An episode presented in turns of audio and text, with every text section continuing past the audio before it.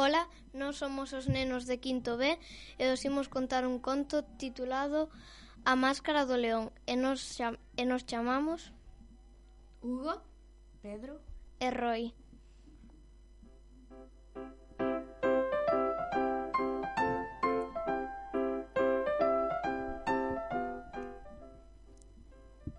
No máis profundo da sabana, a sombra dunha bella acacia naceu un león, Era pequeno, porque os leóns nacen así, non teñen melena, non teñen dentes. Tomaba moito leite e medraba pouco a pouco. Aínda que era pequeno, a papá león parecíalle grande e forte como a él. Miraba orgulloso e dicía, serás un auténtico rei da sabana. Pasou o tempo, Lanciño se fixose un pouco máis grande e máis forte. Medroulle unha boa melena e saíronlle dentes afilados como os de papá le papá, pero tiña algún problema. Na súa cara había sempre un sorriso enorme que lle facía topar amigos por todas as partes. Papá León ruxía, ar, non podes ir por aí riéndote como as hienas. Un león de verdade ten que dar medo, así nunca serás rei da sabana. Leonciño tentaba poñer cara de enfado, pero ao se mirar no río dáballe a risa. Outro problema de Leonciño era o seu ruxido. Cando papá León ruxía, a, sabana, a sabana tremía e os animais metíanse nos agochos. Rrr!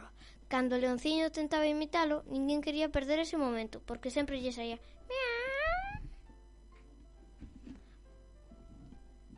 Papá León ruxía.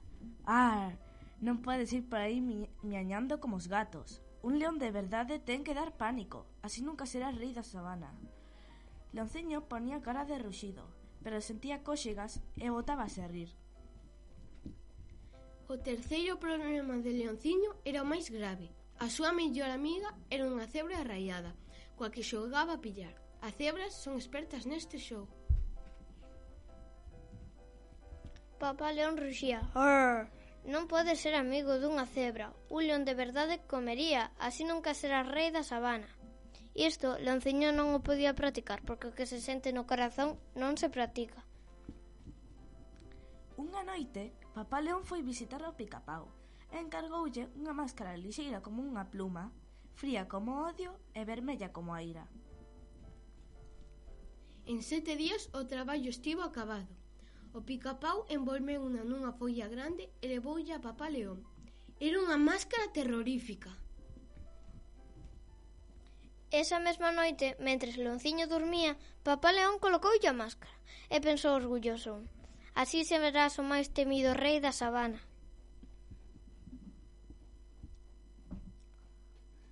A mañá seguinte, Leonceño despertou dun pesadelo e foi contarlle a súa amiga. A cebra estaba comendo erva cos súas irmás. Leonciño sorría, pero non se lle vía cara. Entón alguén berrou. Un león! As cebras puxeron cara de pánico e máis que correr, bo, correr, voaron pola sabana. Son, Son eu. eu!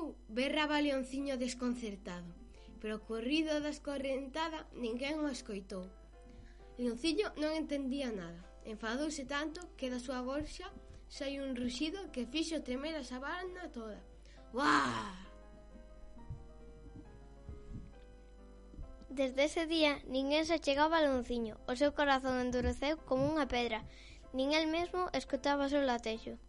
Era o máis temido da sabana, pero a súa vez converteuse nunha mala vida, porque aquilo nin era vida, nin era nada. Unha noite que as nubes ocultaban a lúa, Arroupados pola escuridade, reuníronse todos os animais. De onde sairía ese león? Preguntou a xirafa. Non podemos nin comer tranquilos, queixou, queixouse a antílope. Estamos engurrados como garabanzos. Non nos atrevemos a sair da auga, protestou o hipopótamo. O seu ruxido non nos deixa descansar, nin de noite, nin de día, suspirou un morcego. Mentre os animais se queixaban, Ningún se decatou de que, acochado entre a erva, estaba o seu inimigo. De súpeto, saltou sobre eles e os animais correron sen saber cara onde, porque non se vía un pemento. Coa presa entre as poutas, Lanciño berrou. Pillada! Non me toques as patas, que teño coxega, sóltame, que morro de risa. Aquel animal non paraba de rir e o león non podía mover ni un músculo. En realidade, moveuse un.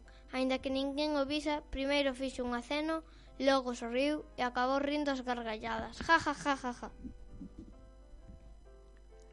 Ao escoiteren as risas, os demais animais intrigados regresaron. Non se vía nada, pero a lúa, que estaba moi atenta, empurrou as nubes. E entón descubriron que Leonciño volvera. Medrara, e o seu corazón soaba como un tambor. Ría como sempre, mentres lle facía cóxegas a cebra porque... A risa ten maxia, rompe máscaras e tamén se contaxa.